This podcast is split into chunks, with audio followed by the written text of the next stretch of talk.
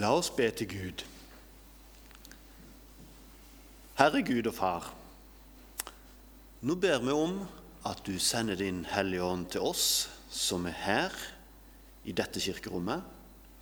Og jeg ber om at du sender din ånd og ditt kall til alle de som er her i byen, som ikke er planlagt å gå på gudstjeneste i dag. Kall på deg òg. I Jesu navn. Amen. Dette hellige evangelium det står skrevet i hos evangelisten Johannes, kapittel 11, vers 45-54.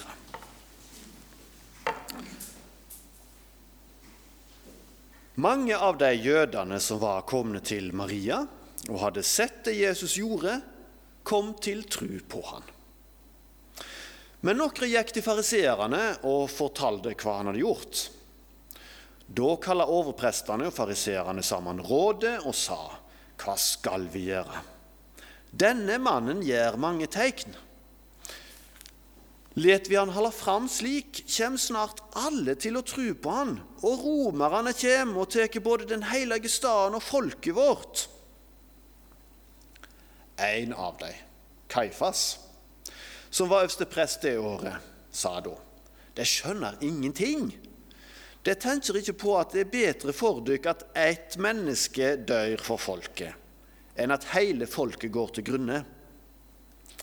Det sa han ikke av seg sjøl. Men fordi han var øverste prest det året, taler han profetisk om at Jesus skulle dø for folket. Ja, han skulle ikke bare dø for folket, han skulle òg samle til ett de Guds barn som er spredde rundt omkring.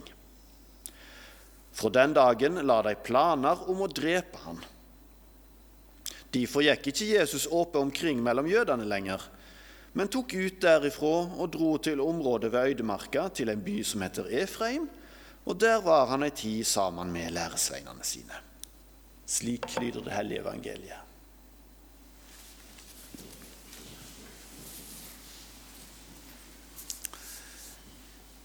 Realpolitiske hensyn. Øverstepresten Kaifas han var smart. Og politikk er det muliges kunst.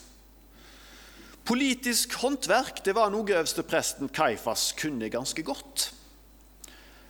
Og han, eh, han, kjente nok at ansvaret for folket kunne tynge òg.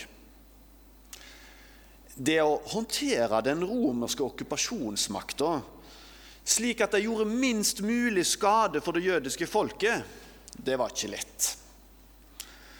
Romerne hadde hersa nok i Jerusalem med omegn, så bare tanken på at de, kan, de kanskje kunne finne på å ødelegge tempelet og jage hele folket i eksil, det måtte jo få Ade til å skjønne at det var lurt med litt indre sjøljustis. Karismatiske personer og fanatikere som eh, ville klare å få i gang engasjementet til folk, når Jerusalem begynte å fylle seg opp med millioner av besøkende til påskehøytida, eh, måtte kontrolleres til fellesskapets beste.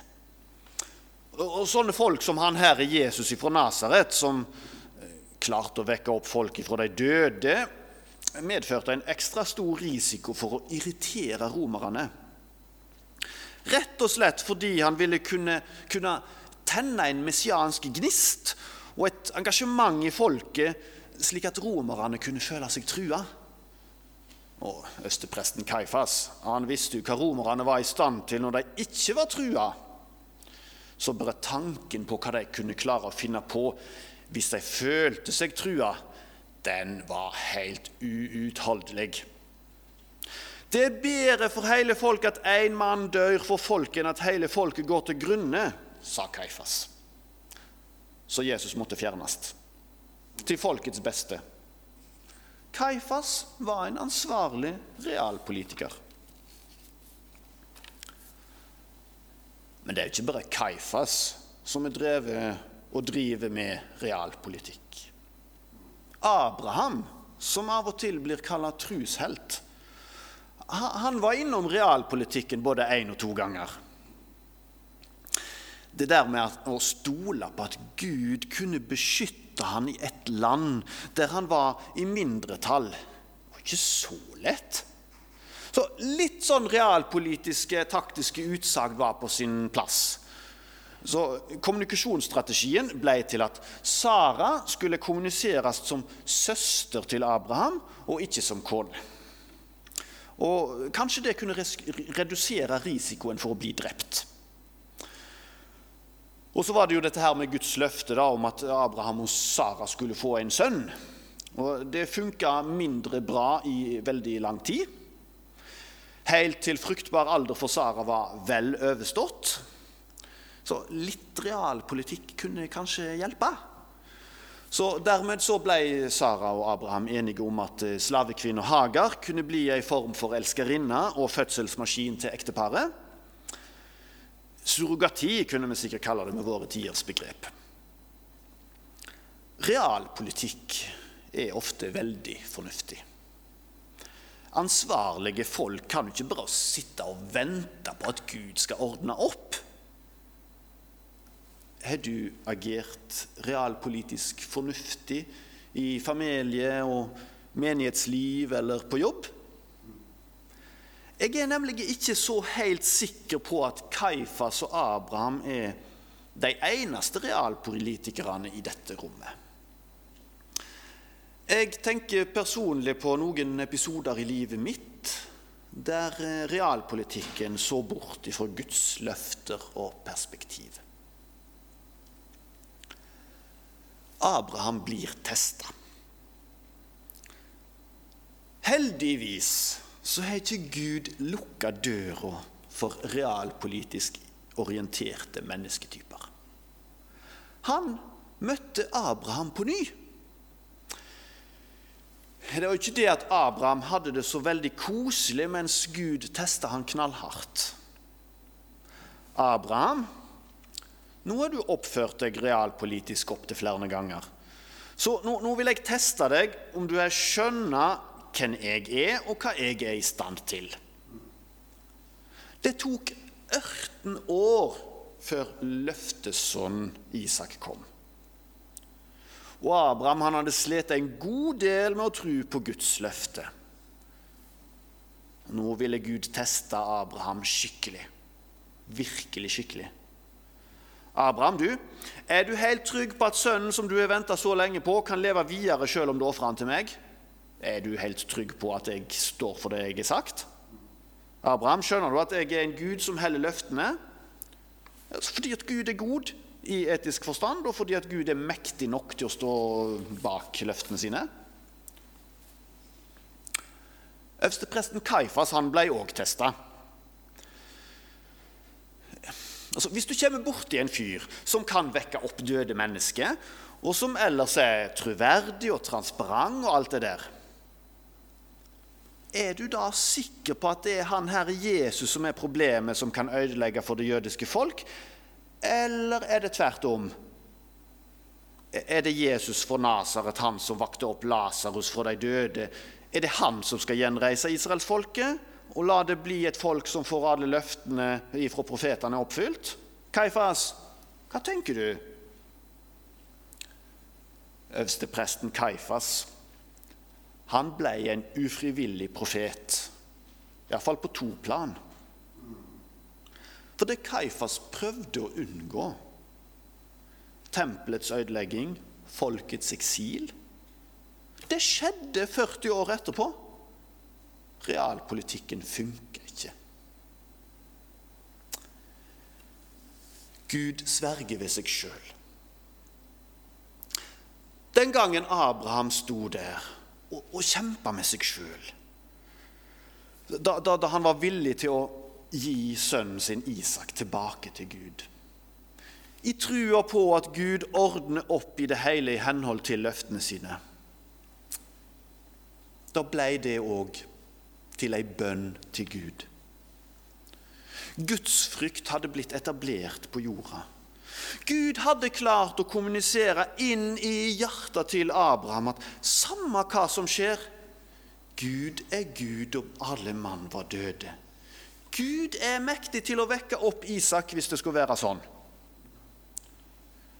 Og det er da Gud sverger ved seg sjøl og lover velsignelse, mange etterkommere og land. Ordet for ett på hebraisk zera, det er et kollektivbegrep. Ei ett, men mange individ inne i etta. Og Derfor så står det om talrik ett. og Det er jo flertalls i det, da. Men det samme ordet ett i samme verset liksom, etterpå refererer òg til et individ. Siste delen av vers 17 da, i, i uh, Første Mosebok 22 kan vi oversette litt mer ordrett på denne måten her, og det blir så tungvint norsk at jeg skjønner hvorfor det ikke står i bibeloversettelsen. De ett skal arve slash innta, han sine fiender sine porter. Det, det personen der som skal innta, er entall pga. Eh, noen sånne eiendomssuffikser på hebraisk. En Messias-profeti skjult inne i suffiksene. En som på vegne av etter og på vegne av folket sitt skal seire og vinne over alle fiender. Over alt som står Gud imot. Seire over realpolitikken, og Gud sverger ved seg sjøl at dette skal skje. Abraham viste at han stolte på Gud da han ble testa sånn knallhardt. Men relasjonen til Isak ser jo ut til å ha blitt skadd. Naturlig nok, da. Fordi at Da Abraham gikk tilbake fra offerfjellet til tjenesteguttene sine, så Isak borte og ikke omtalt. Stakk Isak av? Vil det kunne komme noen som kan vise både gudsfrykt og hva som kan være relasjonsbyggende samtidig? Kan noen klare oppgaver det står om hos profeten Malaki? Han skal vende fedrehjertet til barna og barnehjertet til fedrene. Jesus ofra blodet sitt og vant seier. Så kom han, denne etta som skal innta fienden sine porter. Ikke så få i det jødiske folk tok imot han og trodde på han som Guds utlova Messias. Johannes evangeliet og hebreerbrevet er skrevet av jøder. Men Kaifas og en god del andre holdt seg til realpolitikken i stedet for til Jesus Messias. Det er veldig trist. Sårt er kanskje et enda bedre ord for å beskrive den avvisninga. Den sårheten, kombinert med at vi vet at evangeliet er for jøder først, er kjernen i Israels misjonsengasjementet vårt. Men den ukjente Jesus-truende jøden som har skrevet hebreabrevet, har under Guds inspirasjon gitt oss noen veldig viktige vers om en bedre øverste prest enn Kaifas. Siden vi nå har en stor øverste prest som har gått inn gjennom himlene, Jesus Guds sønn, så la oss holde fast på vedkjenninga. For vi har ikke en øverste prest som ikke kan lie med oss i vår vannmakt, men en som er prøvd i alt på samme måten som vi, men uten synd. La oss derfor stige fram for nådens kongstol med frimod, så vi kan finne miskunn og nåde, finne nåde som hjelp, gir hjelp i rette tid. I kraft av det, det blodige sonofferet som Jesus gjorde med sin egen kropp på korset. I kraft av oppstandelsen fra de døde, så er det liv, oppstandelse, for Isak, for Paulus, for Peter, for Martha, for Maria, for Lasarus. Og helt fram til oss som er i dette kirkerommet her i dag. I kraft av blodet til Jesus så er det en forsikring om at ja, han skal innta fienden sine porter. For han skal være konge til Gud har lagt alle fiender under hans føtter. Den siste fienden som blir gjort til innkjes, er døden. Så gå da i frimodig tillit til Jesus, som aldri lar seg styre av realpolitikken. Og vit at hans offerblod og soning er mer enn nok for deg. og samle til ett de Guds barn som er spredde rundt omkring. Og siden Jesus sitt blod er nok for deg, hva blir da konsekvensen av det? Gjelder det blodet for andre òg? Alle bibeltekster handler om misjon. Ja, han skulle ikke bare dø for folket, han skulle òg samle til ett de Guds barn som er spredde rundt omkring. Abraham fikk store løfter for etterkommerne sine i israelsfolket.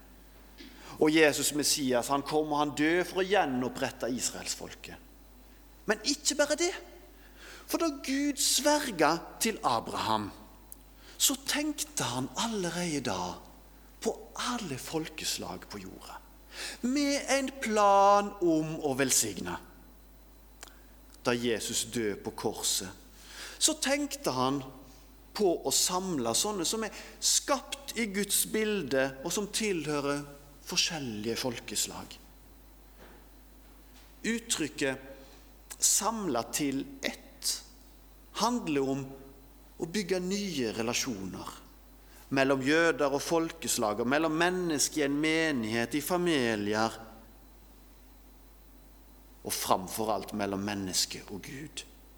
Samla til ett. Det er Jesus sin visjon. Nå skal vi komme tilbake til realpolitikken. Jeg har hørt mennesker si, medkristne med konservativ luthersk teologi, at det er vanskelig og nesten umulig å nå sekulære, postmoderne nordmenn med evangeliet om Jesus.